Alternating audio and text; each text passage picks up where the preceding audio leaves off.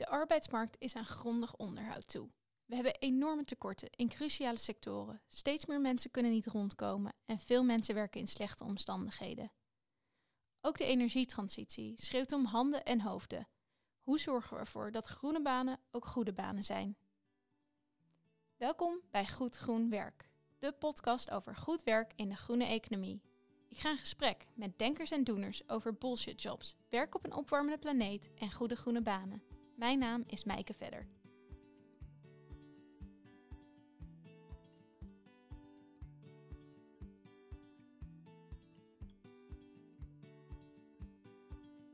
Welkom allebei.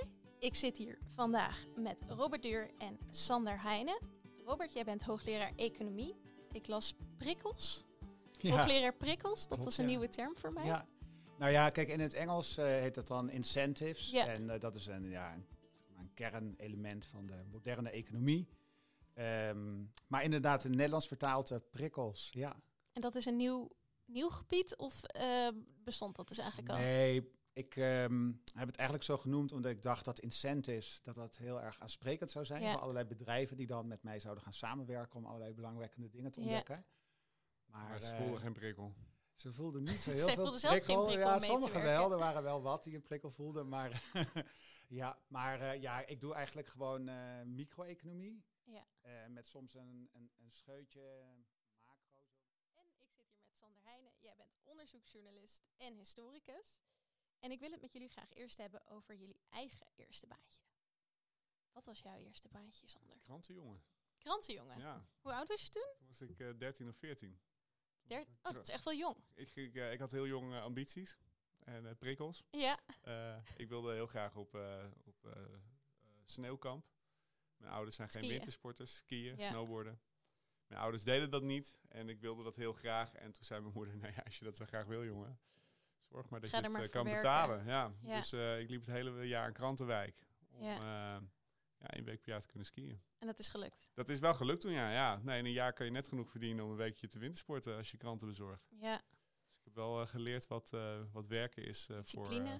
Ja, het is ook wel ontspannen hoor, kranten bezorgen. Het is helemaal geen vervelende baan. Nee. Het is dat het de voorwaarden zo zijn uitgekleed. Anders lijkt het mij helemaal niet zo verkeerd om dat Om gewoon dat weer eens een tijdje te doen. Ja. Ja, buiten. Je loopt buiten, Ja. het is, ja, je kan onderweg niets luisteren. Ja. Podcastje. Ja, toen nog niet. Toen was het Nee. toch een cassettebandje. Ja. Maar, nee, dus dat was mijn allereerste... Het is wel een klein baantje natuurlijk, maar het was mijn eerste baantje. Nou ja, ik sprak dus eh, in de vorige aflevering Michiel Zonneveld. En hij zei, ja, we hebben het over banen en baantjes. Maar eigenlijk moeten we daar helemaal dat onderscheid niet in maken. Want daar zit al een oordeel in over het, het soort werk. Denk je dat je dat zes, onbewust zes, zes dagen in de week kranten bezorgen voor 200 gulden per maand is wel een baantje hoor. Dus de, de arbeidsvoorwaarden die, voorwaarden die maakten eigenlijk... eh, Ja, in die zin, ja, god, ik heb er nooit zo over nagedacht Nee. eigenlijk. Ja. Ja, mijn baantje was nog kleiner. ja? Ja, ik bezorgde reclame. Oh, reclamefolders, reclamefolders. Is dat in de hiërarchie van baantjes... eh, ja, dat verdienen Nou, nog minder. Ik verdiende in ieder geval een stuk minder. Ja, Ja. het was ook eh, heel flexibel. Meestal was er geen werk. ja. Ik ging altijd bij de plaatselijke eh, Fiat garage ging vragen of er nog, of er nog folders waren die eh, bezorgd konden worden. ja. En meestal was het antwoord nee, maar een enkele keer was het ja. En dan ging ik eerst die stempelen. Mm. Een stempel op van de lokale dealer.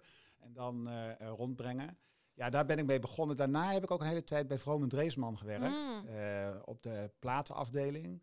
Oh. Dat was veel leuker. Omdat je daar echt binding mee had. Binding. Maar ja, ik hou ook heel erg van muziek. Ja. En het was voor mij ook een manier om heel veel muzieksoorten te leren kennen. Want ehm, de collega's die ik daar had, hadden heel verschillende muzieksmaken. Mm. En nou ja, dat is een beetje omste beurt kon je de muziek aanzetten in de winkel. Dus Oh, eh, dat hoorde je ook van echt in de allerlei muziekkennis. Ja, ja. Ah. Ja, en voor de jonge luisteraars. Ja. De enige manier om nieuwe muziek te horen was dat je naar een platenzaak ging en dan daar met een koptelefoon Wow, op ja. ging aanvragen Ja, dat om is een voor mij al inderdaad eh, niet meer denkbaar eigenlijk.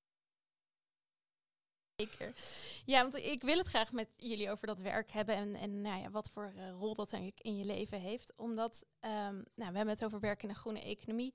Maar ik ben vooral benieuwd naar wat jullie zien als nuttig werk en hoe we toch van zinloos werk vooral ook afkomen.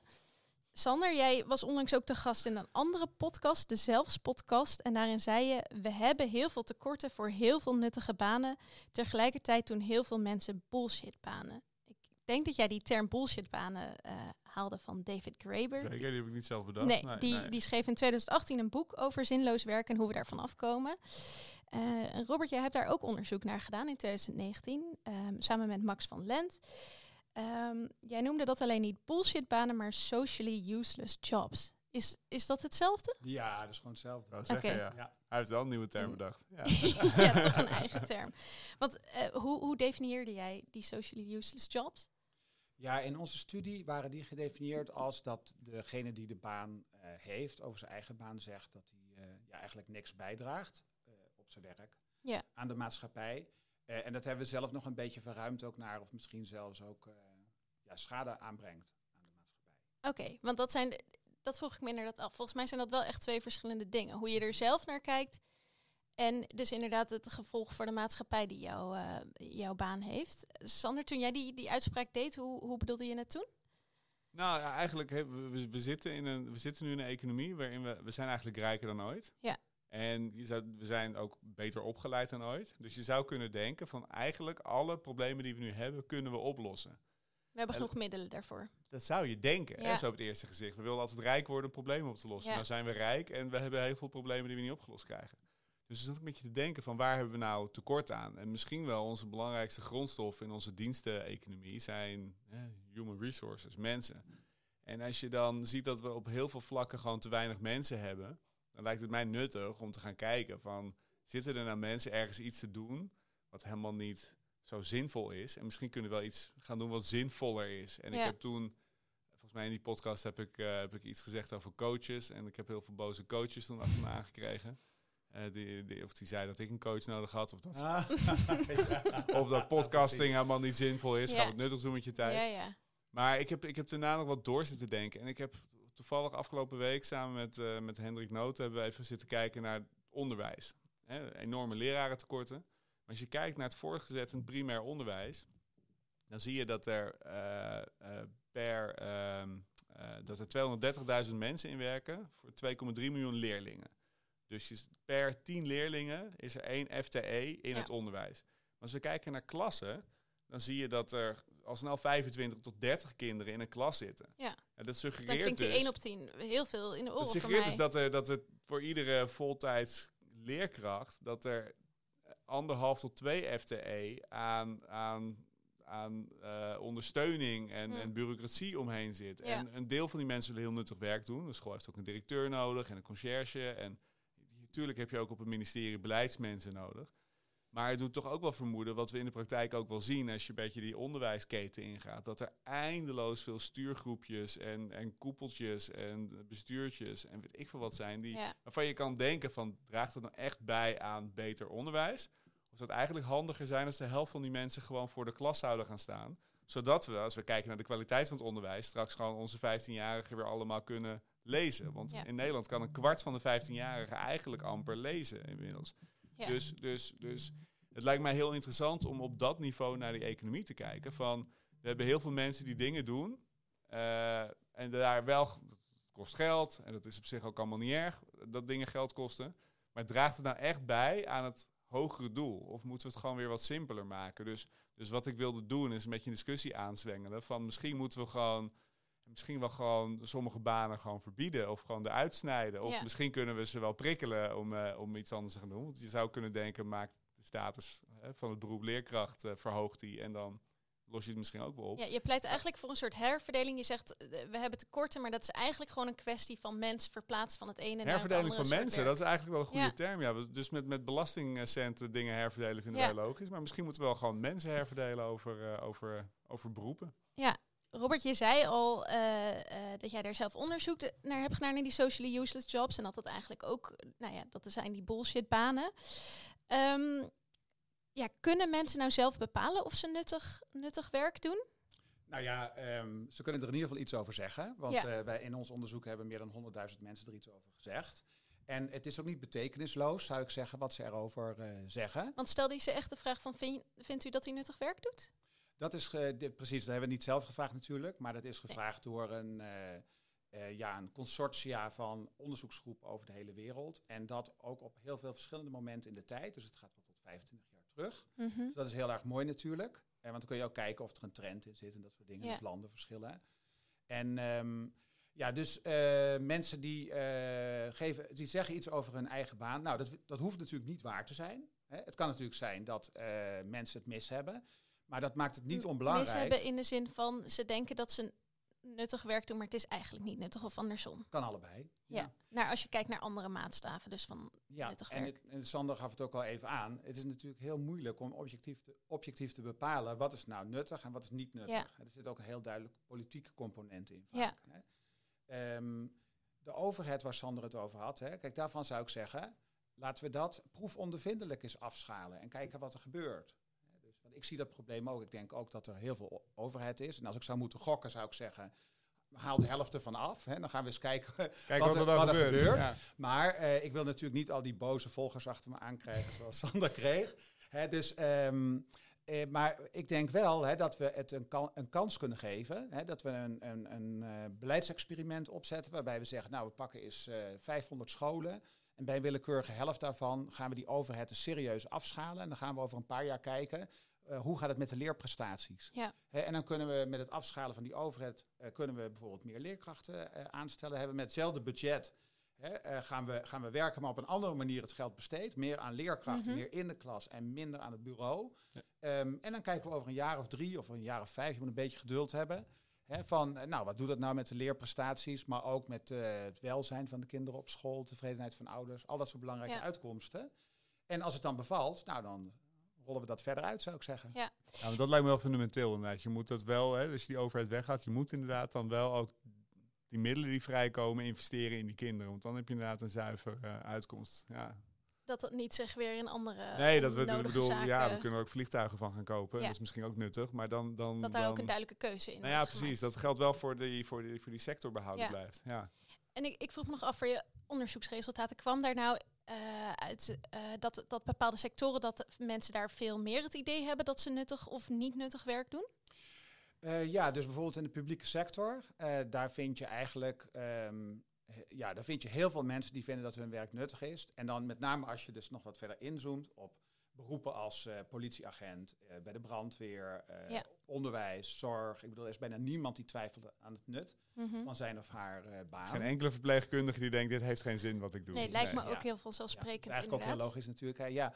Maar misschien nog wel verrassender, of in ieder geval vond ik zelf best wel verrassend, was dat ook in het bedrijfsleven heel veel mensen vinden dat hun baan nuttig is voor de maatschappij. En ook bij beroepen waar, um, nou ja, sommige commentatoren uh, van de zijlijn soms van zeggen hè, van nou, is dat nou zo nuttig? Hè? Dus bijvoorbeeld consultants, managers, mensen in de, in de financiële mhm. wereld. um, daar zijn de percentages uh, van mensen die zeggen, nou, ik vind mijn werk niet nuttig voor de maatschappij wel hoger. Maar ja, het is eigenlijk nooit hoger dan een procent of 20, 25. Dus een grote meerderheid eigenlijk in alle beroepsgroepen vindt zijn baan nuttig. Nou, de grote vraag is natuurlijk, is het waar? Willen mensen niet ook hun werk graag nuttig vinden. Anders heb je misschien ook een soort cognitieve dissonantie van het, wat ik doe is niet nuttig. We willen, denk ik, toch uiteindelijk ook graag wel ergens aan bijdragen. Nee, zeker, dat is ook zo. En wat we ook zien in de data is dat mensen die hun werk als niet nuttig zien, dat die ook uh, vertellen van nou, hè, ik ben ook op zoek naar een andere baan en ik ben ontevreden met mijn baan en nou, al dat soort dingen meer. Dus die zijn eigenlijk al onderweg naar de uitgang, zullen maar zeggen. Hè? Ja. Dus mensen die uh, sorteren in die zin ook uit op die arbeidsmarkt. En ja, nogmaals, hè, dus de, als mensen van over hun eigen baan zeggen, nou, dit is nuttig of niet nuttig, dat is heel subjectief, hoeft niet waar te zijn. Um, maar desalniettemin is het wel belangrijk, want het bepaalt wel hun werkgeluk in belangrijke mate. Want bijna iedereen vindt het belangrijk om nuttig werk te doen. Dat vinden we ook in de data terug. 80% vindt dat hm. echt heel belangrijk. Um, en het is ook belangrijk voor de productiviteit. Hè. Mensen zijn meer gemotiveerd als ze het idee hebben dat ze aan iets, iets bijdragen in de maatschappij. Ja. Dus op die manier is het, uh, ook al is het subjectief, uh, toch belangrijk. Die persoonlijke ervaring daarvan.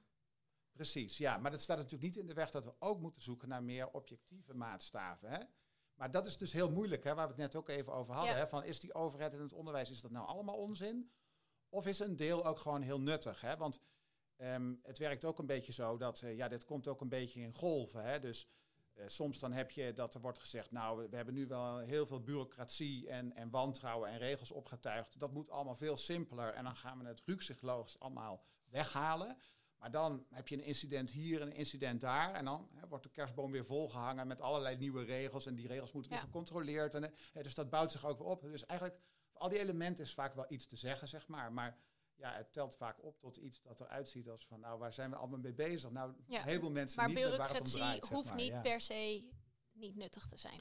Precies. Een beetje controle is denk ik goed, ook in het onderwijs. Hè. Ik bedoel, uh, ja, ik denk dat we het daar ook allemaal over eens zijn. De grote vraag is, zijn we erin doorgeschoten of niet? Ja, dat de grote vraag is. Nou, ik denk dat het antwoord ja is op die vraag. Maar, en, maar over bureaucratie, ja, er zou geen enkele vorm van economische ontwikkeling mogelijk zijn als je geen functionerende bureaucratie hebt. dat, we zijn ooit gaan begonnen met lezen en schrijven om bureaucratie mogelijk te maken, zodat je rijken kon, uh, kon stichten. Ja. zodat je belastingen kon innen enzovoort. Dus, dus met bureaucratie aan zich is niks mis.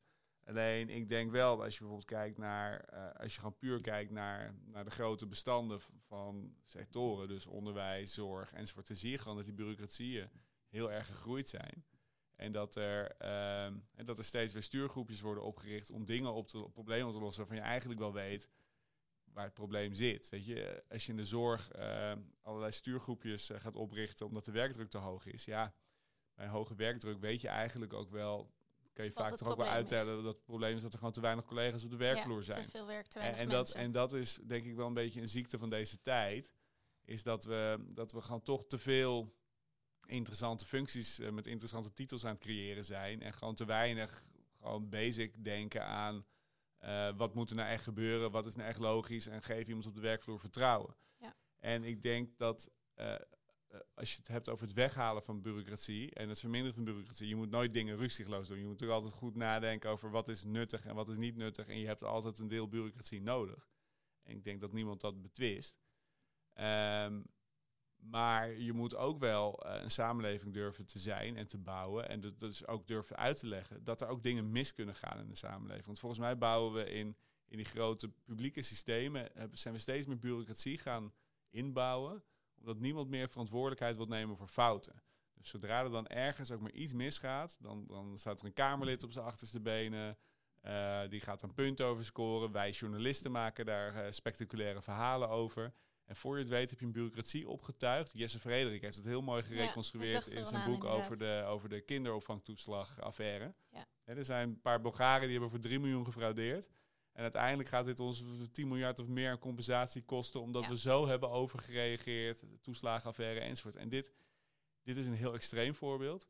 Maar ik heb heel veel onderzoek gedaan naar het zorgstelsel.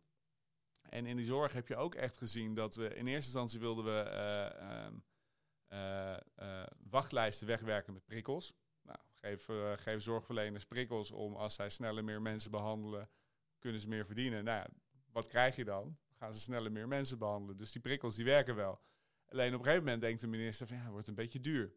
Dus dan wordt er uh, een systeem bedacht om die prikkels weer te checken. Dus dan moeten die, die, die, die verpleegkundigen of die artsen die dan allerlei behandelingen uitvoeren, die, die willen ze dan controleren of dat wel nuttig is of niet. Ja, en dat kan alleen maar via bureaucratie. Maar daarmee hebben ze een systeem opgetuigd waarin uh, artsen uh, en verpleegkundigen en andere zorgpersoneel ja, zoveel tijd bezig zijn met, het, met het registreren. Ja of wat ze doen wel nuttig is. Dat je kan afvragen of het nog wel nuttig is dat ze zoveel tijd bezig zijn met het registreren. Is de oplossing dan meer vertrouwen? Uiteindelijk denk ik het wel. En dat vinden we lastig. Maar in onze samenleving is het natuurlijk heel complex geworden. Maar ik denk dat uh, de enige manier is dat het kan functioneren, is inderdaad vertrouwen. Want als je de hele dag iedereen wilt controleren, ja, misschien dat het straks met AI wel heel, nut, heel goed kan, maar ik denk niet dat dat een samenleving oplevert waar we heel uh, prettig van worden. Dan zit je snel in de Orwelliaanse uh, gemeenschap. Maar ik denk dus dat uiteindelijk dat, dat, je, dat dat wel de sleutel is. En daarmee maak je ook meteen uh, banen op de werkvloer weer aantrekkelijker. Want uiteindelijk, hè, we zeiden het net al, ik heb nog nooit een verpleegkundige horen zeggen... mijn werk is niet nuttig. Ik heb ze wel vaak horen zeggen, ik heb een beetje weinig collega's. Ja. En ik krijg een beetje weinig geld hiervoor. En ik ben nogal afgepeigerd na mijn dag. En weet je wat? Ik word gewoon uh, manager bij een of andere uh, bestuursorgaan in de zorg. En dan verdien ik twee keer zoveel. En dan ben ik elke dag om vijf uur thuis. En op zaterdag kan ik gewoon naar het hockeyveld met mijn kinderen. En er is niks aan de hand. Weet je, dus, dus, dus volgens mij zit, zit daar zit zeg maar de crux. Dus, dus eigenlijk zijn alle prikkels verkeerd om, om, om dat probleem aan die onderkant goed op te lossen. Maar ik denk toch ook, hè, we moeten ook niet te veel, uh, ja, ik zou wil gaan zeggen, geld op het vertrouwen zetten.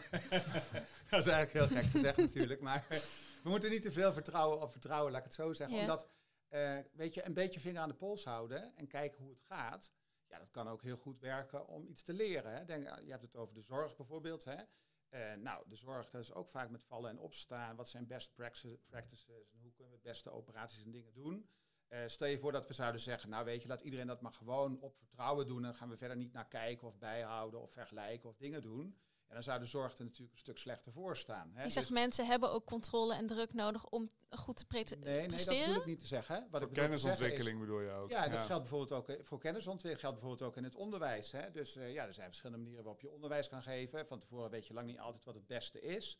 Hè, dus uh, ja, en als je iets creëert waardoor mensen ook van elkaar kunnen leren, uh, ja, daar komt ook bij kijken dat je dingen bijhoudt. Wie doet wat en wat voor prestaties zijn en dat, dat soort dingen. Hè. Dus, om het te kunnen meten. Om het te kunnen meten, ja, ja. precies.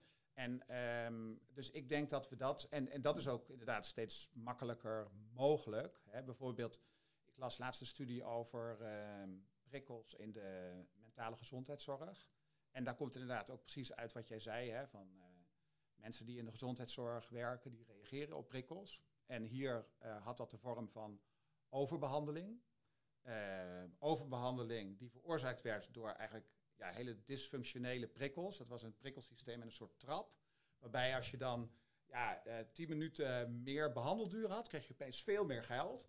Nou, uh, reageren behandelende artsen erop? Het antwoord is ja. De, heel veel reageren. Hè, dus dat leidt tot overbehandeling. Overigens niet iedereen. Hè, dus het was ongeveer een derde van de populatie van uh, behandelend artsen, zien zij, die, die dat helemaal lijken te negeren. Die, die helemaal niet lijken te reageren op die gekke trap in hun beloning. Uh, dat zijn overigens ook de artsen die het beste doen. Zijn dat niet, en zijn dat niet ook de artsen die in loondienst zijn? Uh, dit waren allemaal artsen die niet in loondienst zijn. Okay. Ja, okay. allemaal die niet in loondienst zijn. En uh, ja, dus je ziet, ja, dus, de, dus die dysfunctionele effecten, daar klagen mensen ook vaak ja. over. Hè? Van ja, ik word op mijn werk eigenlijk op een manier gestuurd die ik zelf ook echt onprettig vind. Zeg maar, ja. hè? Dus daar wil je vanaf. Je wil, je wil sturen op waar het om gaat. Hè? Op, op welzijn, op nou, op wat er geleerd wordt uh, in het onderwijs, op mensen genezen of niet, in de gezondheidszorg. Dat is waar je op wil sturen. En ik denk dat wel een vinger aan de pols houden en mensen informeren dat dat wel heel belangrijk is. Daar moeten we niet over. Ja. Nee, maar je, maar, maar je moet wel, dus dat ben ik helemaal mee eens. Hè. Je moet niet het helemaal vrij laten, maar je kan natuurlijk ook op andere manieren naar kijken. Dus in het onderwijs lijkt me heel gezond om gewoon naar de uitkomsten te kijken. Geef, geef een school een populatie en geef ze een bedrag en hebt er een beetje vertrouwen in dat ze die kinderen naar een bepaalde uitkomst kunnen sturen. En, en sinds we steeds meer op microniveau zijn gaan, zijn gaan registreren wat er gebeurt, zien we ook dat de kwaliteit van het onderwijs enorm achteruit is gekacheld. dus, dus, dus grappig genoeg zien we dan wel dat al die scholen aan al die bureaucratische normen weten te voldoen. Maar onze 15-jarige, die kon in, in 2003 kon nog 10% niet goed lezen. En nu is dat 25%. En we zakken ten opzichte van andere Europese landen enorm weg. Dus door die tijd die besteed wordt aan het registreren. En ik zeg, nou, ik kan niet zeggen gaat? dat daar een oorzakelijk verband is. Ik zie alleen dat er geen uh, correlatie nee, is tussen dat je meer dat. Di dichter de vinger aan de pols ja. houdt en dat de kwaliteit beter wordt. Ja. En, en social media is ook geen verklaring, want in, ten opzichte van het Europese gemiddelde zakken we ook heel erg weg. Hm. En, en daar heb je ook social media. Dus dus uiteindelijk doen we toch in onze, we hebben het dan nu even over het onderwijs, maar doen, we doen in onze bureaucratie iets, iets, iets wat contraproductief werkt. En daar moet je dus heel goed naar kijken. En ik ben het helemaal mee eens, hè, als je een mooi groot onderzoek opzet van hoe kunnen we dat uh, fixen. Maar ik denk ook wel, iedereen die wel eens in een school rondkijkt, er zijn ook wel quick fixes waarvan je gevoelsmatig zegt, begin daar alvast mee en monitor heel goed of dat werkt. Maar er is natuurlijk wel heel veel... Uh, er gebeuren natuurlijk gewoon heel veel gekke dingen. En die worden natuurlijk uiteindelijk wel bedacht door mensen die misschien wel zeggen, ik heb een nuttige baan. Want ik hou vinger aan de pols in het onderwijs. Maar dat wil niet zeggen dat die uitwerking van wat zij doen voor de samenleving daadwerkelijk zinvol is. Ja, heb je... Ja, als ik nog een ander ja? voorbeeld daarvan mag geven. Ik was een tijd geleden op bezoek bij een scholengroep in het zuiden van het land. En daar was de directeur van het schoolbestuur, die dus gaat over ja, iets van 40 of 50 basisscholen in de regio ja, die hield behoorlijk de vinger aan de pols. Niet alleen wat betreft al die CITO-toetsen en dingen. Maar hij deed ook van die enquêtes onder leerlingen. Of ze plezier hebben op school, of ze vriendjes hebben, zich eenzaam voelen, dat soort dingen. ook onder ouders. En ehm, nou, hij liet mij zien op zijn kantoor, had hij helemaal vol met grafiekjes en dingen. En liet hij zien van hoe hij dat allemaal, hè, die vinger aan de pols. Nou, je kan zeggen, dat is heel veel wantrouwen. Hè? Maar hij liet ook zien van, kijk, ik, op deze manier kan ik ook zien of die scholen en ook die directeuren, of die goed bezig zijn. En hij had een paar directeuren, had hij een aantal keren had hij op het matje geroepen en gezegd, luister eens, ik zie op jouw school eigenlijk alles misgaan. Leerprestaties gaan achteruit, de sfeer is niet goed. Dus je kan ook sneller ingrijpen sneller ingrijpen. En, en dat uh, vond ik best bijzonder, dat deed hij dus ook. En dan liet hij ook zien aan die grafieken die hij op zijn muur had hangen. Van kijk, hier heb ik deze directeur ontslagen en een nieuwe aangesteld. En bij deze school heb ik het hier gedaan.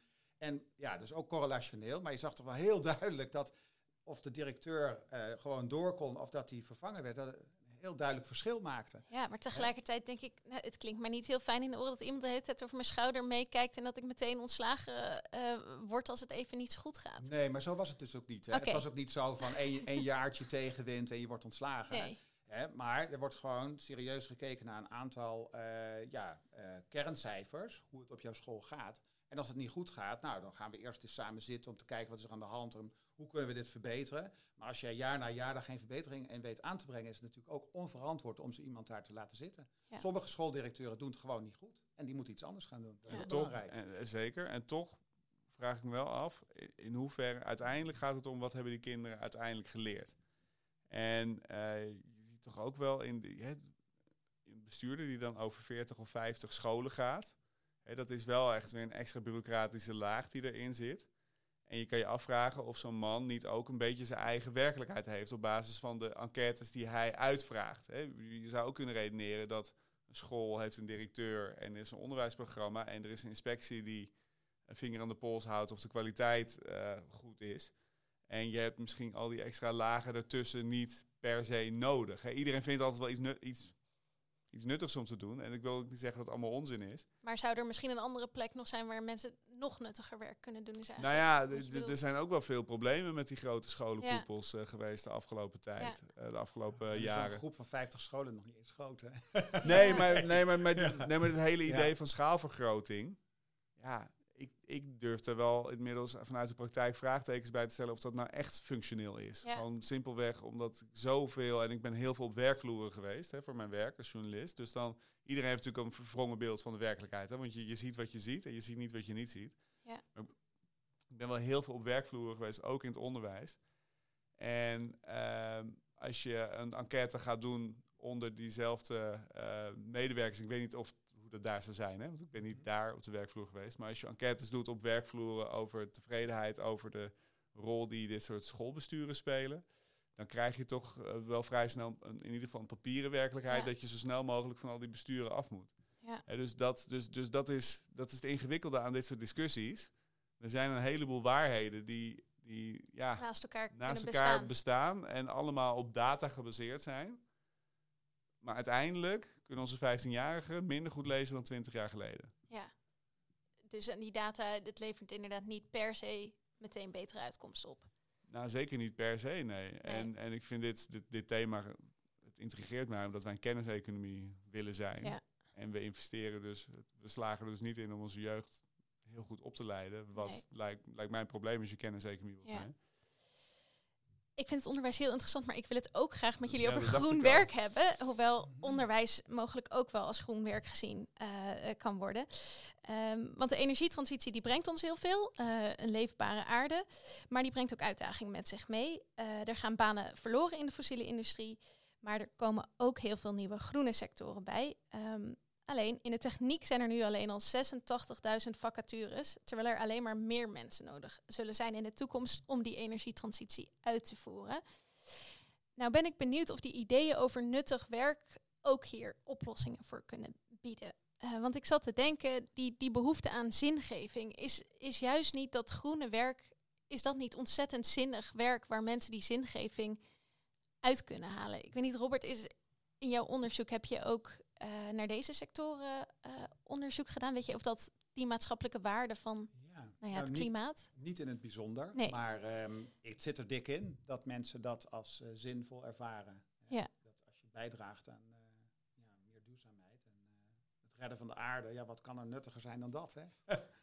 ja, toch heb ik ook, um, ik heb vorig jaar ook veel mensen in de fossiele industrie gesproken. En het is niet zo dat mensen daar geen behoefte aan zingeving ervaren, omdat het geen, uh, om, nou ja, omdat het vervuilend is. Juist daar kwam ik heel veel mensen tegen die ook heel trots waren op hun werk, heel veel binding ervoeren. Um, ook logisch natuurlijk. Je verwarmt mensen hun huis. Uh, je zorgt dat mensen ja. zich kunnen verplaatsen, naar werk kunnen, op vakantie kunnen. Het is alleen niet op een hele schone manier. Maar natuurlijk kan je daar van alles bij voorstellen. Ik vind het helemaal niet, uh, niet, niet gek gedacht eigenlijk. Als je energie kan leveren aan een samenleving. Dat is natuurlijk per definitie zinvol. Ja. Alleen de manier waarop uh, is voor de lange termijn wel uh, heel essentieel dat je dat ja. groen doet. Dus, dus, dus, ik snap op zich wel dat als je in de fossiele sector werkt, dat je nog steeds het idee kan hebben dat je zinvol bezig bent. Ja, nou, en misschien ook wel de mensen met de sterkste klimaatambities misschien dat sommigen ervan ook wel denken, bij Shell moet ik zijn. Hè, want uh, daar moet ik aan de tafel daar zitten om de bakens te verzetten. En de, ja, daar, gaat, daar moet het gaan plaatsvinden. Dus uh, als we allemaal onze rug keren naar uh, de fossiele industrie, um, dan is niet per se gezegd dat het dan beter gaat natuurlijk. Nee, maar als we het dus over die ervaring hebben, als we het hebben over nuttig werk, dan kan je dus misschien beter niet kijken naar hoe mensen dat zelf ervaren, maar naar de maatschappelijke ja, maar ik denk wel dat de tekorten die we hebben zijn bijvoorbeeld mensen die zonnepanelen op daken kunnen schroeven. Ja. En naast dat dat zinvol is, is het ook gewoon heel zwaar werk. Ja. Het is ook gevaarlijk werk.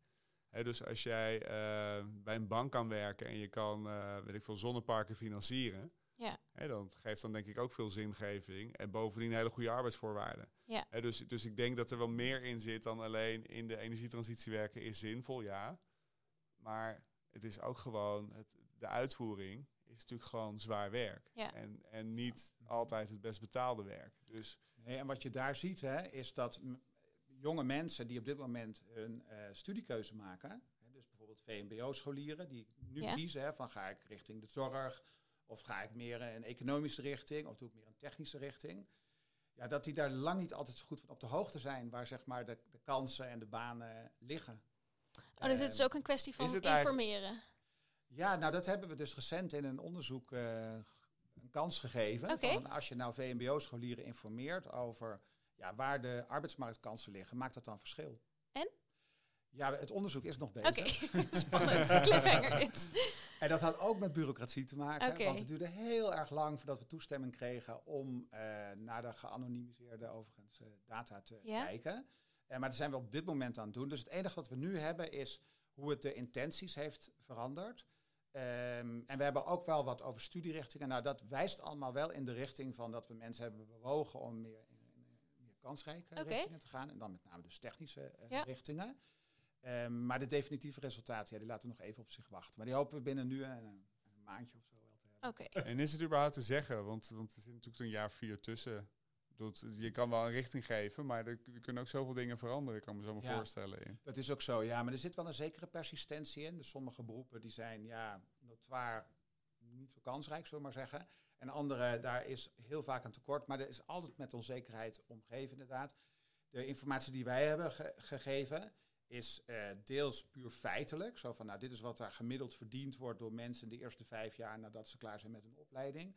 En deels gebaseerd op een, uh, ja, een prognose van experts. Dat is van het Research Center Onderwijs en Arbeidsmarkt van de Universiteit Maastricht. Ja, zij slaan er een slag naar uh, en proberen dat op zo'n goed mogelijke manier uh, te, te doen.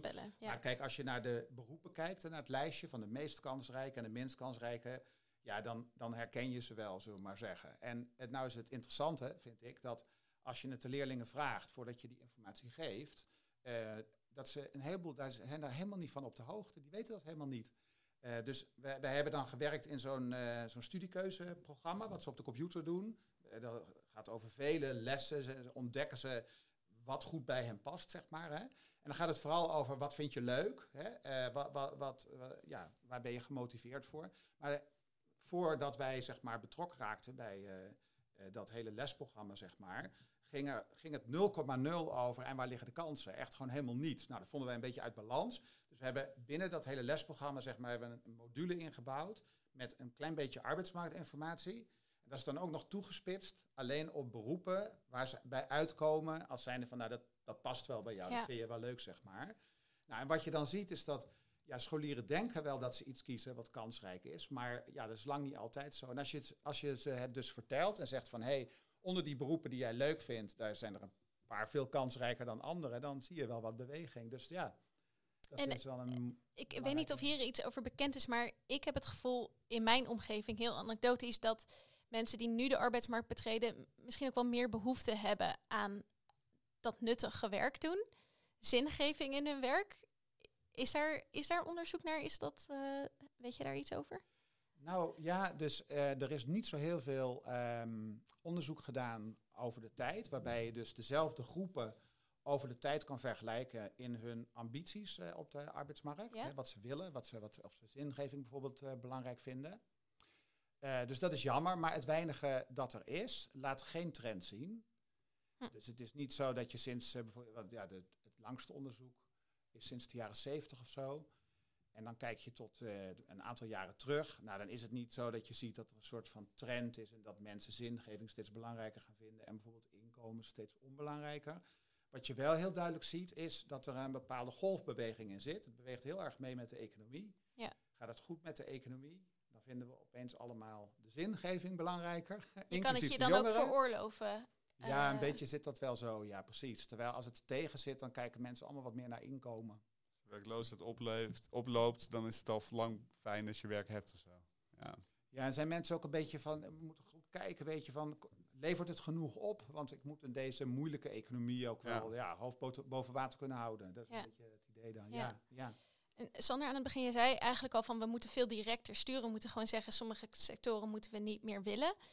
Ehm, geldt dat dan dus ook specifiek voor de energietransitie? Dat je zegt van we moeten mensen daar laten werken en niet meer in vervuilende sectoren? Nou, ja, ik zou me daar heel veel bij kunnen voorstellen. Ja. Ja. Een voorbeeld wat ik altijd leuk vind om te gebruiken is Schiphol. Schiphol produceert met voornamelijk eh, heel laag betaald werk. Dus het gros van de mensen die er werken zitten, zitten binnen eh 130% van het minimumloon, zeg maar. Ja, daar kan je gewoon niet van bestaan in de Randstad, Nee. redelijkerwijs. En de business case van Schiphol is voornamelijk eh, eh, een overstapluchthaven zijn. Ja. En daar ga je dus nooit geld aan verdienen, want dat doe je op de goedkoopste plek. Daar stap je over. Dus het lijkt mij dan interessant als je gewoon zegt, ja, Schiphol krijgt gewoon geen mensen meer. Kunnen die mensen veel beter, die technische mensen kunnen beter gebruiken in de energietransitie. Eh, de, de, de grondstewardessen kunnen we misschien wel veel beter gebruiken in de zorg. Ja. Eh, de- de- er zijn allerlei andere slimme mensen die we ook heel goed op allerlei plekken in de samenleving kunnen gebruiken. Of slimme, hoogopgeleide mensen moet ik zeggen. Eh, dus, dus je zou kunnen denken, je zou op die schaal kunnen denken als samenleving van vinden we het nou nuttig dat we 88.000 mensen op zo'n luchthaven eh, gevangen houden, die ook nog eens heel veel overlast veroorzaakt in die hele Randstad? Ja. Of, of zeggen we van eigenlijk zou het veel nuttiger zijn als we die kleine 90.000 mensen vrijspelen voor andere sectoren?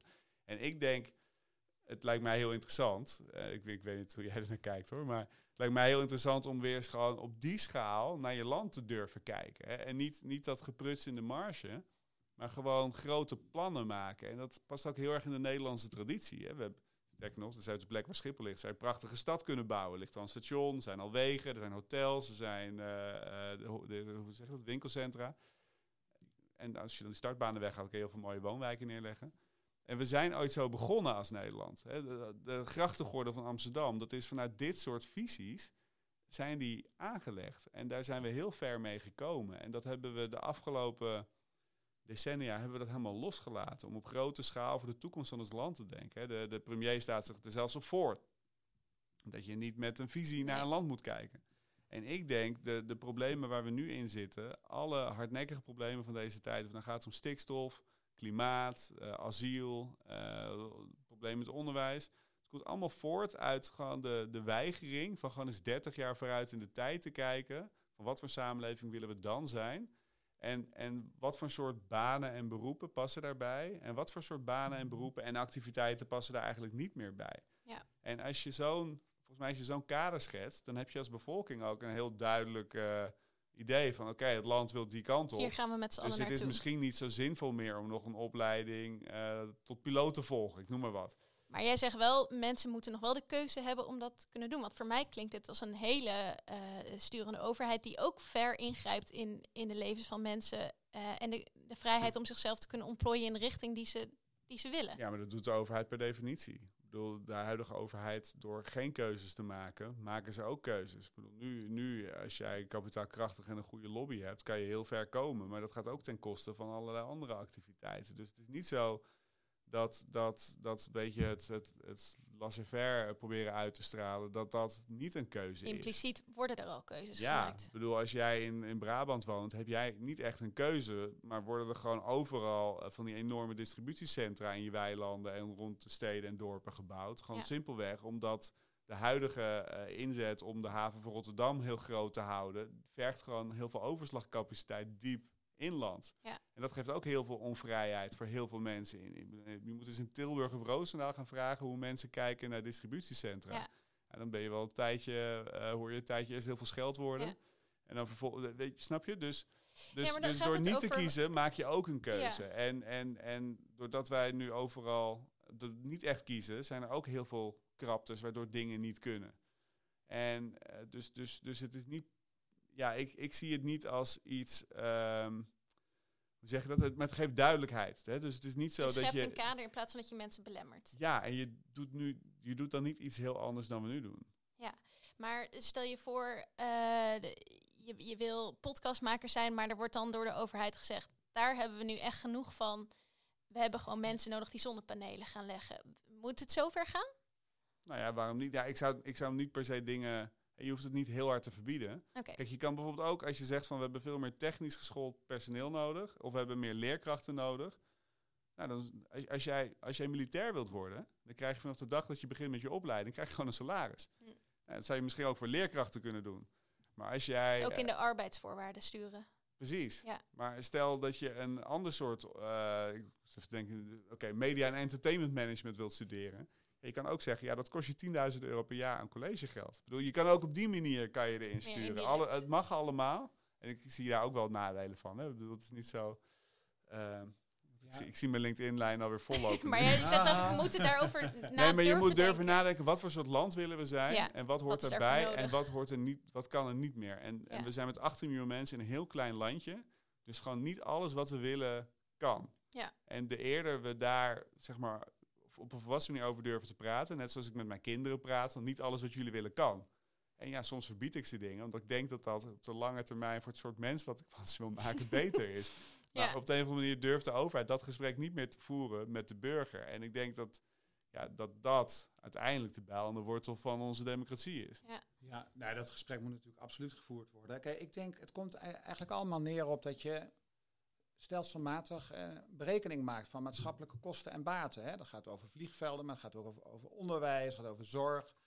En, en daar waar je ziet dat de maatschappelijke kosten hoger zijn dan de maatschappelijke baten, ja, moet je gaan belasten. En zeker niet gaan subsidiëren. Sommige hele schadelijke dingen die subsidiëren we nog steeds. Dat is mhm. van de zotte. Hè? Ehm, ik denk dat je daar moet ingrijpen en dan volgt de arbeidsmarkt vanzelf. Hè? Dus uh, dan zijn er minder banen, eh, daar waar belast wordt en minder gesubsidieerd. Zullen arbeidsvoorwaarden worden uh, aangepast. Ik denk dat we daarvoor niet een soort uh, ja, overheid als dirigent of zo nodig hebben die iedereen met een stokje naar de een of de andere sector wijst of zo. Ik geloof er wel in dat we uh, dat aan de arbeidsmarkt kunnen overlaten. Hoewel, Toch meer vertrouwen in de markt wel. Jazeker, ja. ja. Nee, maar ik heb dat vertrouwen ook als je een visie hebt. Hè? Als je zegt van we willen, we willen hier naartoe, hier zetten we op in als land. Natuurlijk, dan beweegt die markt mee. Precies, ja. En, qua, qua prikkels eh, waar jij onderzoek naar doet, denk je dat, eh, dat we mensen eh, genoeg kunnen motiveren door bepaald beleid om ook die keuzes te maken? Of dat het inderdaad meer opgelegd moet worden? Ja, maar we kunnen de mensen wel een beetje helpen. Hè. Dus prikkels is één ding. Maar zoals ik ook vertelde over die VMBO-scholieren, informatie is een ander heel belangrijk ding. Hè. Want ja, als je niet weet waar uh, fantastische baankansen liggen, uh, ja, dan, dan ga je ze ook niet vinden, zeg maar. Hè. Dus een beetje helpen lijkt mij ook uh, met, met informatie heel belangrijk. Uh, maar ik denk dat we zonder die prikkels ook niet, uh, niet ver komen. Nee, combinatie. Ja. Um, en moeten we niet gewoon ook meer gaan werken met die enorme tekorten die we daar nu over hebben? Er bestaan nogal verschillende uh, scholen in deze discussie. Sander Schimmelpenning heeft het over deeltijdprinsesjes. Margriet van den Berg heeft onlangs een boek geschreven over dat werk juist geen oplossing is. Ja, met die enorme uitdagingen waar we voor staan. Hoe, hoe kijken jullie daarnaar? Ja, ik, ik, ik, denk dat het ten eerste mensen, hè, dus er zijn mensen die niet voltijds werken. Blijkbaar hebben die voldoende inkomen Dus voelen die onvoldoende prikkels om meer te gaan werken. Dus zo zou je er economisch naar kunnen kijken. Maar uiteindelijk is het eindig model. als, we, als we maar blijven inzetten op, op groei, groei, groei, groei. Mhm. Op een gegeven moment werkt misschien wel iedereen dan 40 of 50 uur per week. Maar uiteindelijk krijg je dan ook weer tekorten. Eh, als je door blijft groeien. Dus, dus vroeg of laat zou je dat moeten doorbreken. Dus, dus gewoon puur nu inzetten op dat we meer uren gaan werken. Dat lijkt me op de korte termijn zou dat best wel kunnen helpen. Maar op de lange termijn is het natuurlijk eigenlijk geen hele wezenlijke oplossing, denk ik. Nee, korte termijn denken. Dat lijkt mij ja. Robert? Ja, kijk, ik denk dat mensen eh, vooral zelf ook een beetje moeten eh, uitvinden wat goed bij hen past. Sommige mensen werken misschien te veel en anderen werken misschien eh, te weinig. En zeker in de arbeidsmarkt nu, die heel veel kansen biedt. Hè. eh, werkgevers die staan in de rij. Ehm, ik denk ook dat als je nu naar je werkgever gaat en zegt, nou, ik wil eens gewoon een halfjaartje uitproberen hoe het is als ik een dag minder werk of meer. Nou, dat dat misschien best wel goed ontvangen wordt. Juist in die Ehm, krappe arbeidsmarkt heb je meer ruimte om eh, daar ook over te onderhandelen. Ja, en dan kan je eens kijken hoe, hoe het bij je past en hoe het je eh, bevalt. Maar dat staat eigenlijk dan nog los van de maatschappelijke eh, uitdagingen die er liggen. Als je zegt van we hebben hier gewoon echt te weinig mensen, maar mensen vinden het gewoon prettig om allemaal vier in plaats van vijf dagen te werken, is ja, Maar kijk, ik vind hè, dat als we als maatschappij vinden dat in bepaalde sectoren ja, meer eh, mensen nodig zijn, dat er meer uren gemaakt moeten worden, dan moeten we als maatschappij gewoon de portemonnee trekken. Hè. Dus als we meer eh, mensen in het onderwijs willen, kleinere klassen, ja, dan heeft dat gewoon een prijskaartje en dan duurt het misschien even, maar dan volgen de mensen vanzelf. Ehm, dus ik- een soort morele oproep van nou, hè, die of die andere groep, die moeten nou maar eens eh, meer uren gaan eh, werken. Ja, daar geloof ik eigenlijk niet in. Het lijkt Ja. me ook gewoon niet wenselijk. En er ligt ook wel een soort maatschappijvisie onder. Hè? Mhm. Dus, dus ehm, de vraag is, zijn we, zijn we hier op aarde om allemaal zoveel mogelijk te werken? Ja. En zoveel mogelijk welvaart te genereren? Of hebben we een bepaalde mate van welvaart gegenereerd om een aangenaam leven te kunnen leiden? En de Britse econoom Keynes, die 100 jaar geleden zei hij al van, nou ja, straks kunnen, hoeven we allemaal nog maar 12 uur te werken. Want die ging ervan uit, al het werk wat er toen was, nou, daarvoor kon een deel worden geautomatiseerd. En dan, nou, dan hoeven we niet meer zoveel te doen. Maar uiteindelijk, iedere keer als we een taak automatiseren, dan verzinnen we weer nieuwe taak om te doen. Ja. En dan gaan we Ja, dat. maar dat is toch niet helemaal waar, want we hebben toch ook echt wel veel meer vrije tijd gekregen. Hè? Dus, eh, dat is waar. kijkt Nee, dat is waar. Ten opzichte. Ja, dus nee, dan, eh, fair enough. We hebben natuurlijk Ja. nu het hele We weekend. hè, niet alleen maar meer werk. Er wordt Niet- er ook Nee, zeker niet. En ook, want er is laatst ook een interessante studie verschenen. En die keek over je hele levensloop. Hoe, hoeveel vrije tijd je dan hebt. En hoe dat vroeger was. En dan zie je dat er veel meer vrije tijd bij is gekomen. Vooral natuurlijk aan het einde van het leven. hè. We zijn allemaal veel langer gaan leven. En niet zo heel veel langer gaan werken. Niet zo heel veel meer jaren gaan Mhm. werken. Ehm, dus in die zin is er heel veel vrije tijd eh, bijgekomen. Dus het idee van ja, hè, we- steeds weer zo komen er weer nieuwe taken. We blijven maar druk, druk, druk. Nee, dus, de- dus inderdaad. Dus, dus ik bedoelde te zeggen inderdaad gewoon, we hebben weer allerlei nieuwe banen verzonnen. Hè, dus de, daardoor blijven werken. En dat we steeds dat we relatief veel minder werken dan toen. Hè, dat is natuurlijk het gevolg ook van, van strijd, van sociale strijd. Van we willen op zaterdag vrij zijn. We Ja. vinden acht uur per dag eigenlijk wel mooi. Maar we moeten denk ik ook niet vergeten hè, dat werk voor heel veel mensen ook echt een bron van geluk is. Hè? Eh, de, je begon de podcast met te zeggen hè, van de arbeidsmarkt is toe aan grondige renovatie. Hè? Ehm, maar ehm, er gaan ook een heleboel dingen heel goed op de arbeidsmarkt. Eh, als je Je bent er bijvoorbeeld- helemaal niet zo pessimistisch over. Nee, nee, als je bijvoorbeeld mensen vraagt, vind je je werk inspirerend? Nou, dat vind ik nogal wat. Dat je werk inspirerend is, weet je. Ja. Nou, ik, geloof, ik weet het precieze percentage, maar ik dacht iets van 80% of zo van de Nederlandse werknemers zegt, ik vind mijn werk inspirerend. Ja. Hier is nog een grappige vraag. Als je s ochtends wakker wordt, heb je dan zin om te gaan werken? Nou, ik zou zeggen nee. Ik heb zin om lekker een kopje koffie te drinken en een krantje te lezen. Maar twee derde van de Nederlandse werknemers zegt, ja, ja, als ik wakker word, heb ik zin om te gaan werken. ja, dat verbaast Dus me inderdaad wel. Dat werken in Nederland is voor heel veel mensen, brengt ook een heleboel geluk. We zien dat overigens ook terug in data over wat mensen zeggen als ze net met pensioen zijn. Eh, best wel veel mensen vallen in een gat. Die zeggen, ik mis de sociale contacten, de structuur in mijn leven. Werk was toch wel heel erg leuk. Maar je kan ook Ehm, zeggen, je hebt werk dus te belangrijk gemaakt in je leven. Wie ben je verder nog als persoon als je nu in een gat valt? Ja, maar we hebben onze arbeidsmarkt ook wel heel raar georganiseerd. Ik weet, mijn vader is iemand, die vond het verschrikkelijk toen hij met pensioen moest. Mhm. Ja, CAO en hij werkte bij een hbo-instelling en dat was natuurlijk een dure kracht, want hij zat er al 40 jaar. Ja. En het was gewoon keihard, gewoon boem eruit. Ja, en, en, Harde overgang. nou ja, en vervolgens hebben ze wel gewoon te weinig docenten bij zo'n instelling, weet je. Dus het is, Dus, dus er zitten hele rare dingen in die je best wel, waar, je, waar je best wel wat menselijker naar zou kunnen kijken. En het hele idee dat je tot je 67ste werkt, vol tijd.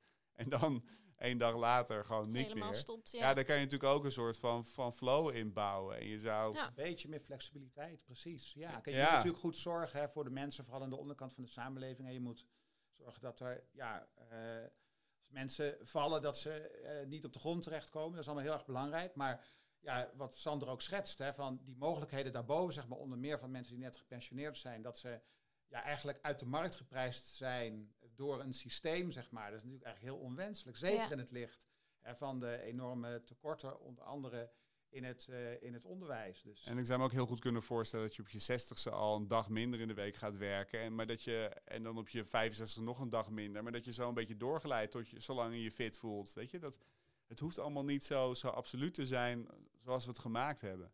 Zijn we eigenlijk weer terug bij bureaucratieën. Die, die hebben hele hoekige manieren van redeneren vaak. Ja. Het hoeft natuurlijk niet zo te zijn.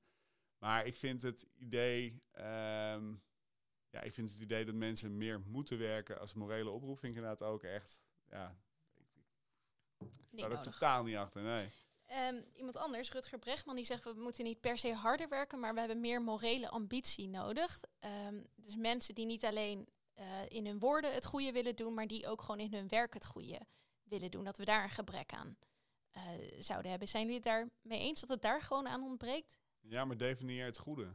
We hebben 21 verschillende partijen in het parlement. En die vinden allemaal net iets anders goed. Ja, dus om het daarover eens te worden. Dat, En, eh, en er zijn een heleboel. eh, Ik denk dat de meeste beroepen wel binnen de visies van één van die 21 partijen valt. Dus ik, ik, snap, ik snap wat hij zegt. Alleen, het is natuurlijk gewoon een heel politiek vraagstuk. Wat is dan het goede? Ja. Als jij eh, een Forum of een eh, eh, BVNL, hè, een, een Haga, wie een Haga-aanhanger bent, dan heb je een heel ander beeld van het goede dan als je een GroenLinks-stemmer bent. Ja. Dus, dus dat vind ik eigenlijk een beetje de zwakte in dat betoog. Van, van wat is dat dan? En, Ik- eh, ik ben het wel met hem eens. Ik vind dat, dat als je arbeid vindt dat hij daar zelf geen zijn. duidelijk antwoord op formuleert? Of dat dat in de praktijk dus heel lastig zou zijn, omdat andere mensen het Nou, daar dat, ook over dat, oneens dat zijn? laatste. Ja. Dat laatste. Ja. Anderzijds, hè, kijk, de mensen die sorteren zich ook uit naar bepaalde beroepen en sectoren. En hè, ook daar naartoe waar zeg maar, de missies die nagestreefd worden ook hun eigen missies zijn. Zeg maar, hè. Dus in die zin is er dan voor elk wat wils meestal. Tenzij je een heel extreem figuur bent natuurlijk, dan is er misschien niks. Maar dan kan je misschien voor jezelf beginnen. Hè, maar ehm, ja, dat mensen ook zeg maar, intrinsiek gedreven zijn door een bepaalde missie. Ja, over het algemeen helpt dat wel een beetje, zeg maar. Hè. We hadden het eerder in deze podcast ook over vertrouwen. Hè, dat je kunt sturen op vertrouwen, niet alles hoeft te controleren. Ja, als je in je organisatie weet dat er heel veel mensen zijn die ja, uit een intrinsieke motivatie ehm, ja, in lijn handelen met de missie van jouw organisatie, zeg maar. Ja. Dan, ja, dan maakt het het leven een stuk gemakkelijker, zeg maar. Dan hoef je minder te controleren, minder bij, kan je veel meer op vertrouwen sturen. Ja. Eh, dus ik zie daar wel de voordelen van. Tegelijkertijd is er ook veel mogelijkheid om zeg maar, mensen hun morele ambitie eh, te vergroten. Daar ben ik wat pessimistischer over. Overigens, tien jaar geleden was ik daar wel wat optimistischer over. Wat, wat Toen, is er eh, veranderd? Is ouder Ja. geworden. Nee, nee, nee, nee. Dat is trouwens, ik ben wel ouder geworden, maar eh, ik ben een wetenschapper, dus ik laat me natuurlijk alleen maar leiden door het bewijs wat wordt eh, verzameld. En, kijk, en tien jaar geleden toen, ehm, toen hadden we allemaal nog wat meer geloof in van nou, hè, als we nou, bijvoorbeeld als het over belasting betalen gaat, hè, dan waren er experimenten en die lieten dan zien dat als je mensen eh, voordat ze hun belastingaangifte invulden, liet zien wat voor mooie dingen er allemaal met je belastinggeld gebeurt, dat ze dan ook hun belastingaangifte eerlijker invulden. Nou, dat is niet onwaar, dat klopt inderdaad, maar het effect is klein en het beklijft niet. Dus ehm, ja, een jaar later is het weg. Ehm, en zo zijn er meerdere experimenten geweest waarbij je wel op korte termijn een klein ja, tikje omhoog ziet, zeg maar. Maar ja, we gaan het daar toch niet van moeten hebben, zeg maar. Dus we moeten in april, als die belastingaangifte komt, moeten we meer publieke eh, propaganda hebben van de overheid voor alle mooie dingen die gedaan zijn met het geld. eh, het Ja, nou, ik heb er ooit eens een keer een blog over geschreven. Maar, eh, dus in de tussen, toen was er dus een experiment in Noorwegen gedaan waar dat uit kwam. Dan hadden ze dus bij de belastingbrief, hè, van je moet aangifte gaan doen, een soort folder gestoken. Met fotootjes van, nou, dit is alle mooie dingen die met jouw belastinggeld gebeuren. Dus een foto van een klas met een docent. Maar ook eh, ja, van, van, van de re- reddingsbrigade of zo, die dan mensen in de bergen gaan redden. Of ik, nou, allemaal prachtige dingen en zo. En je zag dat het wel wat uitmaakte. En dan met name maakte het wat uit eh, daar waar mensen ook wat meer uh, ja, zeg maar vrijheid hadden om de belastingaangifte naar keuze in te vullen. Zeg mm. maar. Dus vooral ook in de grensstreken van Noorwegen, waar veel mensen over de grens werken. En dan is het ook niet zo duidelijk van wat moet je nou waar aangeven. Ja, ja. Dus daar zagen ze dat het wel wat omhoog uh, ging. Maar ja, het was een klein effect en het beklijfde niet. Terwijl ze deden in die datzelfde experiment ook een andere interventie. Daar sloten ze geen foldertje bij met die kleurige foto's. Maar dan maakten ze in de brief nog eens duidelijk dat er gecontroleerd werd en wat de sancties zijn. En dat werkte en dat beter. beklijfde wel. Ja, ja, het is een niet zo leuke boodschap, maar ja. het is wel wat eruit kwam. Ja, maar je moet, het, je moet natuurlijk allebei doen. Er moet natuurlijk een sanctie op staan als je niet aan de regels houdt. Maar het helpt, denk ik, ik denk dat het misschien niet alleen voor, voor uh, hoe correct je het invult, maar het lijkt me sowieso voor de maatschappij wel fijn als we iets meer uitleggen waarom we belasting betalen met elkaar en, wat, en, en waarom we met elkaar een gemeenschap zijn. Want we, dat hebben we niet echt over gehad, maar dat we Nederland als een BV uh, heel vaak benoemen. Ja. ja. dat, is natuurlijk, dat is natuurlijk verschrikkelijk. dat, je bent een gemeenschap, je bent een vereniging en je moet het samen doen. En, uh, ik, dus ik denk dat de overheid daar wel wat meer ook oog voor zou kunnen hebben. Uh, en, dat, en dat heel veel goede dingen die de overheid wil doen, vervolgens makkelijker worden. Als we het idee hebben dat we met elkaar en voor elkaar dat doen. Ja. Ik had nog één vraag eigenlijk over ook die tekorten en hoe we uh, ervoor zorgen dat mensen dus juist wel in die cruciale sectoren gaan werken. Um, ik vroeg me namelijk af, er zijn ook nog best wel veel mensen die op dit moment niet werken, maar die misschien wel zouden willen werken, die al langdurig in de bijstand zitten. Robert, ik las dat jij hier ook mee had gewerkt aan onderzoek in Rotterdam over hoe mensen gemotiveerd kunnen worden uh, om wel aan het werk te gaan. Zie jij daar nog kansen of lessen die we daaruit kunnen trekken? Ja, nou in de tussentijd is de werkloosheid zo laag geworden dat de mensen die uh, nu nog geen baan hebben, dat er wel een beetje dat het niet zo eenvoudig is, laat ik het zo zeggen. Nee, is He, dus, mee. Ja, ja dus um, dat zien we dus ook heel duidelijk terug in die uh, groep in Rotterdam die wij hebben bestudeerd. Dus dat ging om mensen die langdurig in de bijstand uh, zitten. Um, daar is een persoonlijk gesprek mee gevoerd door mensen van de gemeente om te kijken van, hé, hey, wat zijn jouw mogelijkheden? Hoe, hoe gaat het met je? Uh, en ja, wat blijkt dan? Dat is dat het uh, met best wel veel mensen niet zo goed gaat. Ja. Uh, en of dat ze op dit moment, ja, zeg maar niet de vaardigheden hebben om te functioneren op de arbeidsmarkt. Bijvoorbeeld de taal niet spreken. Nou, en het programma in Rotterdam heeft mensen dan ja, op een spoor gezet van, hé, hey, zullen we niet opzetten voor jou dat jij bijvoorbeeld op een talencursus gaat? En andere mensen zullen we niet iets opzetten dat jij. Ja, om die drempels weg te nemen die er dus werkt, precies. zijn. Ja, ja. Maar het is niet zo simpel als zeggen: hier is een baan. Uh... Nee, dus dat is ook een van de dingen die wij dus in ons onderzoek terugvinden. Deze aanpak hè, heeft er niet toe geleid dat mensen aan betaald uh, werk kwamen. Ja, een heel klein beetje zien we in ZZP, maar dan gaan we kijken wat mensen verdienen. Hmm. En dat stelt niks voor. Dus dat waarschijnlijk de, de, de, ja, de, de bezorging van wat dus maar als je zegt van er wordt bijvoorbeeld een taalkursus aangeboden, kan dat op de lange termijn dan wel tot betaald? Uh, dat lijkt me dan wel het doel daarvan. Uh, nou ja, niet per se. Kijk, ik zou zeggen, het kan natuurlijk ook helpen als je taalencursus doet, dat je dan gewoon sowieso wat plezieriger uh, in de samenleving kan bewegen. En, ja, het hoeft niet alleen het doel te zijn om dat dat tot Ja, wat mij, wat mij wel eens op is gevallen, ik, ik, heb vorig jaar een beetje zitten studeren op de cijfers van 28-jarigen in de bijstand. Vond ik gewoon interessant. En ben ik per gemeente gaan kijken. En het viel me op. Ik woon dan zelf in Amsterdam. In Amsterdam gaan kijken. Is, is ongeveer 5%. 5% van de 28-jarigen zitten in Amsterdam in de bijstand. In Volendam, is 10 kilometer fietsen, maar 0,3% van diezelfde groep. En ik weet niet wat het betekent. Ik vermoed dat het iets met gemeenschapszin te maken heeft.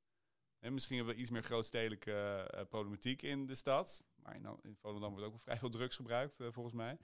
Maar ik, ik kan me zo voorstellen dat kinderen of jongeren die, die wat meer wat moeilijker zelf aan het werk komen in een kleine gemeenschap, veel eerder worden meegenomen uh, door een oom of een buurman of weet ik veel wat. Hè, dat die dat dan een rol speelt. Ja. Dat denk ik, maar dat weet ik niet. Hè, dus ja, dus als je Volendam en Amsterdam vergelijkt, is er misschien ook een belangrijk verschil in het beleid. Maar in, in Rotterdam zag ik het ook. Hè. Rotterdam en omliggende gemeenten zie je een beetje hetzelfde. Dus in de kleine gemeenschappen uh, zitten veel minder jongeren in de bijstand dan in die, in die grote steden, waarin mensen misschien deels verzuipen. En ik, ik denk toch dat het iets zegt over of, of, of, er, of er oog is voor, voor mensen. Ik, vermoed ik. Ja. ja, tegelijkertijd is ook zo, maar dat zei ze net zelf ook al, hè, van de mensen die besluiten om in de stad te gaan wonen zijn was meestal ook wezenlijk anders dan de mensen die besluiten om in een, in een dorp te wonen. Hè. Dus het is een beetje moeilijk Hmm. precies aan te wijzen waardoor het eh, komt.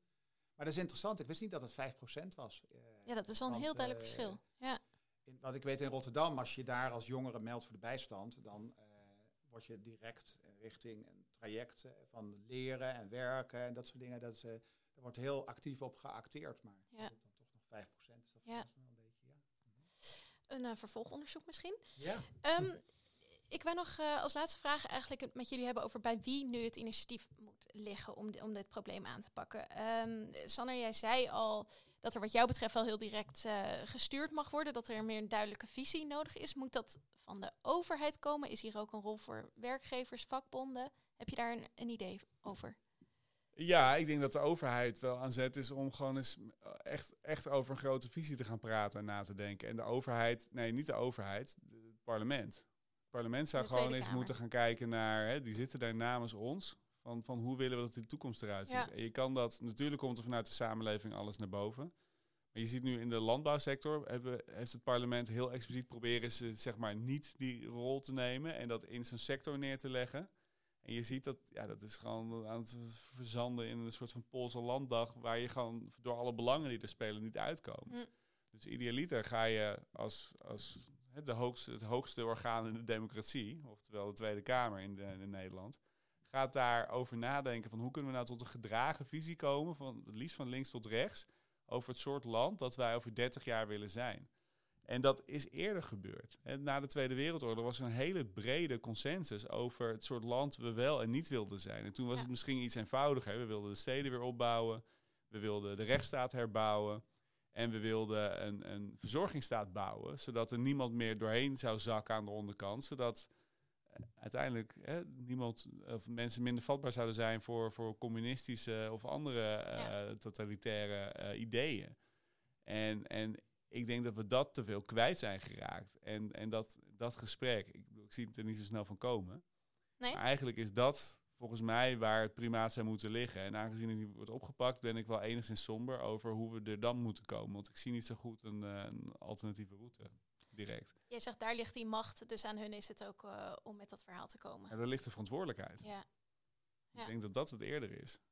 Dus als je een eh, eh, Mariana Mazzucato heeft er mooie boekjes over geschreven. Hè, dat als je als overheid een duidelijk doel stelt, dan, dan kunnen zowel lagere overheden als bedrijven, die kunnen dan met elkaar zeg maar, daar naartoe werken. Mhm. En dat geeft, dat geeft heel veel richting. En ik denk dat we dat missen. ja. En zolang je dat doel mist, is het natuurlijk absurd om te zeggen van ja, die sector mag geen mensen meer hebben of die wel. Want dan heb je helemaal geen, perspectief of kader. past, nee, ja. dan, dan, dan is het gewoon luk raken. Of van, oh, nou, stel dat ik dan opeens premier Ja. zou zijn, dat ik opeens Schiphol ga sluiten. Ja, Ja. Dat, zou natuurlijk, dat past niet Moet als een, iets op zichzelf. ja, grotere visie En Schiphol is dan mijn idee, maar ik vermoed dat als je dit eh, met elkaar gaat bediscussiëren, dat dat niet de eerste optie is die, eh, waar je mee stopt. Want heel veel mensen vinden het toch leuk om met vliegtuig op vakantie te gaan. En dat snap ik ook. Maar daarom moet je dat, die consensus moet je gaan bouwen. En, en ja, ik denk dat dat de essentie is Ja. van, van waar we een volksvertegenwoordiging voor hebben. Ja. Zie je voor jezelf hier nog een rol in, in weggelegd om dit aan te, te wakkeren? Nou, op dit moment vooral als, eh, als aanjager Ja. van het debat. En daar ideeën in te gooien. Maar Ja, ik dus zie hierbij een oproep. eh, Ja, aan, aan politici die luisteren, eh, pak dit op. En wijs een ander niet meteen af omdat hij van een andere partij Nee. is. Want die polarisatie, daarmee komen we gewoon niet verder. Dat, volgens mij is dat nu wel helder. Ja. En dat, dat, ja, dat geeft dus een bepaalde verantwoordelijkheid aan mensen die in de Tweede Kamer zitten. duidelijk. Robert, jij had het eerder ook eh, vooral over dat we mensen kunnen motiveren en prikkelen. Zijn daar bepaalde eh, beleidsinstrumenten van oproep eh, waarvan je denkt van hier, hier moeten we mee aan de slag op basis van jouw kennis en ervaring? Ja, nou ja, kijk, ik denk net als Sander dat het primaat moet liggen bij de overheid, bij de politiek. Die Mhm. moeten uiteindelijk hebben, die, die hebben de meeste eh, macht en instrumenten om eh, echt eh, stappen te zetten. Maar dat neemt niet weg dat er ook belangrijke taken zijn voor werkgevers en, en ook voor werknemers. Dus we hadden het eerder in deze podcast over onzinbanen en het vermijden van onnodige overheid. Hè, nou, ehm, werkgevers kunnen te raden gaan, onder andere ook bij hun eigen werknemers. Hè, van waar, waar zit de onzin in mijn organisatie en hoe kunnen we daar iets aan doen? En datzelfde geldt voor werknemers. Hè. Eh, je moet niet gaan zitten mokken in een baan waarvan je het gevoel hebt dat die onzinnig is. Nee, je moet het aan de orde stellen. Je moet er wat, wat aan gaan doen. hè. hand. En op het moment dat je steeds je neus stoot in de organisatie en daar niets aan kunt veranderen op de plek waar je nu zit, dan zou ik zeggen, kijk vooral verder rond. Weet je, ga ergens anders werken. Hè. De stem met, stem met de voeten. Hè. Ja. Ehm, dus ga vooral niet bij de pakken neerzitten. Dus ik denk dat er ook daar verantwoordelijkheden liggen. Maar als we het over echt grote veranderingen hebben, eh, dan moeten we het toch vooral van de politiek hebben. En eh, ja, we moeten misschien ook iets verder kijken dan alleen Nederland. Hè. Dus ehm, ook eh, Europees en eh, over de hele wereld heen. Hè. Dus om maar een voorbeeld te geven, hè, een van de dingen die natuurlijk de afgelopen decennia goed zijn fout gegaan, dat is het belasten van winst. We waren Ja. in een race naar de, naar de bodem. Hè. Dat zag je gewoon in alle plaatjes dat jaar na jaar werden de belastingen op winst steeds en steeds lager, omdat landen met elkaar concurreerden om allerlei hele mobiele ondernemingen. Eh, nou, nu is er eindelijk na jarenlang hard werken, hè, is er eh, een akkoord dat we naar een minimumtarief gaan. Dus da- daar worden stappen in gezet. Door sommige mensen werd dat onmogelijk geacht om op wereldschaal of bijna wereldschaal dit soort stappen te zetten, gecoördineerd. Maar het lijkt toch te lukken. En misschien ja. kan het op andere terreinen ook. Dus ik hoop ook dat we daar eh, veel op inzetten. Ja. Ehm, om ja, die publieke goederen, zoals wij economen die dan noemen, hè, hele belangrijke goederen waar we allemaal iets aan hebben, eh, om die eh, tot stand te brengen.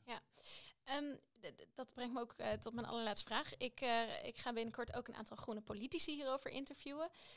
Onder andere de Vlaamse Europarlementariër Sarah Mathieu. Zij werkt aan een groen banenplan. En Saskia Lammers, heeft voor Eindhoven als wethouder ook een groen banenplan geschreven. Hebben jullie een oproep of een vraag aan hen die jullie eh, mee zouden willen geven? Ja, je begint Ja. heel enthousiast klikken. Ja, Robert, mijn, vertel. mijn oproep is, eh, laat meer ruimte voor goede experimenten. Want wat ik heel veel zie bij politici is, hè, dan maken ze een plan en dan gaan ze volop achter staan. Dan gaan ze in alle zaaltjes en op tv vertellen hoe geweldig het wel niet is. Maar ja, heel veel onderdelen van die plannen, die zijn helemaal niet zo duidelijk of dat nou zo goed gaat werken of niet. En kijk, als het je echt menens is om een bepaald probleem op te lossen, ja, dan moet je een deel van je plannen ook eerst experimenteel gaan toetsen. Dat klinkt een beetje wetenschappelijk, maar dat wil gewoon zeggen, weet je, gaat op een goede manier kijken. Werkt het nou zoals we hopen? Of de realiteit wel echt zo is als dat het Ja. in de beleidskamertjes is bedacht. Precies, ja. En wat ik echt zou hopen is dat daar wat meer ruimte naar voor eh, komt. We hebben recent ook gepeild onder de Nederlandse bevolking wat die daarvan vinden. Door gewoon een aantal hele concrete scenario's te schetsen, schetsen waarin beleidseffecten onzeker zijn en waarbij je een, een goed beleidsexperiment zou kunnen doen. En het spreekt de kiezer ook Ja. heel erg aan. Dus eh, ja, je kan er ook Ja. nog... eh, Ze kunnen jou bellen als ze stemmen. experimenteel onderzoek eh, naar beleid willen. Ja, maar er is sowieso heel veel expertise in Nederland eh, op het doen van eh, experimenteren. Zowel onder economen, maar ook sociologen, politicologen. Die weten heel goed hoe dat eh Ja. moet. Dus er is expertise genoeg. Alleen ehm, de nieuwsgierigheid, de echte nieuwsgierigheid onder politici en ambtenaren, die laat echt nog te wensen over. Oké. En want er is natuurlijk in de markt ook heel veel wat minder betrouwbaar onderzoek te koop, zullen we maar zeggen. dus eh, als het dan gaat over het evalueren van eh, nieuw beleid, ja, dan wint het experiment het meestal niet op dit moment. Ja. En ik zou willen dat het veel vaker zou winnen. Er zijn een heleboel bureautjes waar je gewenste onderzoeksresultaten kan kopen. Ja. Sander, heb jij, jij deed eigenlijk al een oproep net, maar heb jij nog Ja, een... creëer eh, een perspectief. Hè? Ja. Dus creëer, creëer een toekomstperspectief waaruit gewoon blijkt dat je ehm, dat groene investeringen lonen en, en grijze investeringen, gewoon dat daar geen ruimte meer voor is. Dan komt die arbeidsmarkt, die komt daar vanzelf, hè, de, de hele markt, dus ook de arbeidsmarkt, die komen daar vanzelf achteraan. Ik Ja. denk dat dat de crux is. En je hoeft denk ik niet zo bang te zijn dat we de komende jaren weer eh, oplopende werkloosheid krijgen. Dat heeft gewoon met de vergrijzing te maken. De, het zijn gewoon veel meer baby's geboren 60, 70 jaar geleden dan, eh, dan de periodes daarna. Is tijdelijk. Dus nee, dus, dus, dus we hebben, er gaan nog steeds heel veel meer mensen met pensioen dan die Ja. arbeidsmarkt opkomen.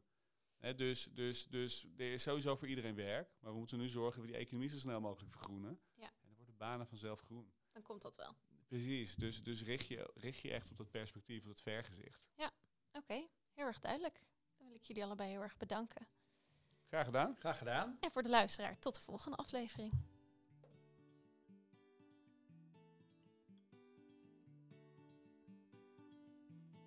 Dit was Goed Groen Werk, een podcast van het wetenschappelijk bureau GroenLinks en de Groenen in het Europees Parlement. Tot de volgende keer.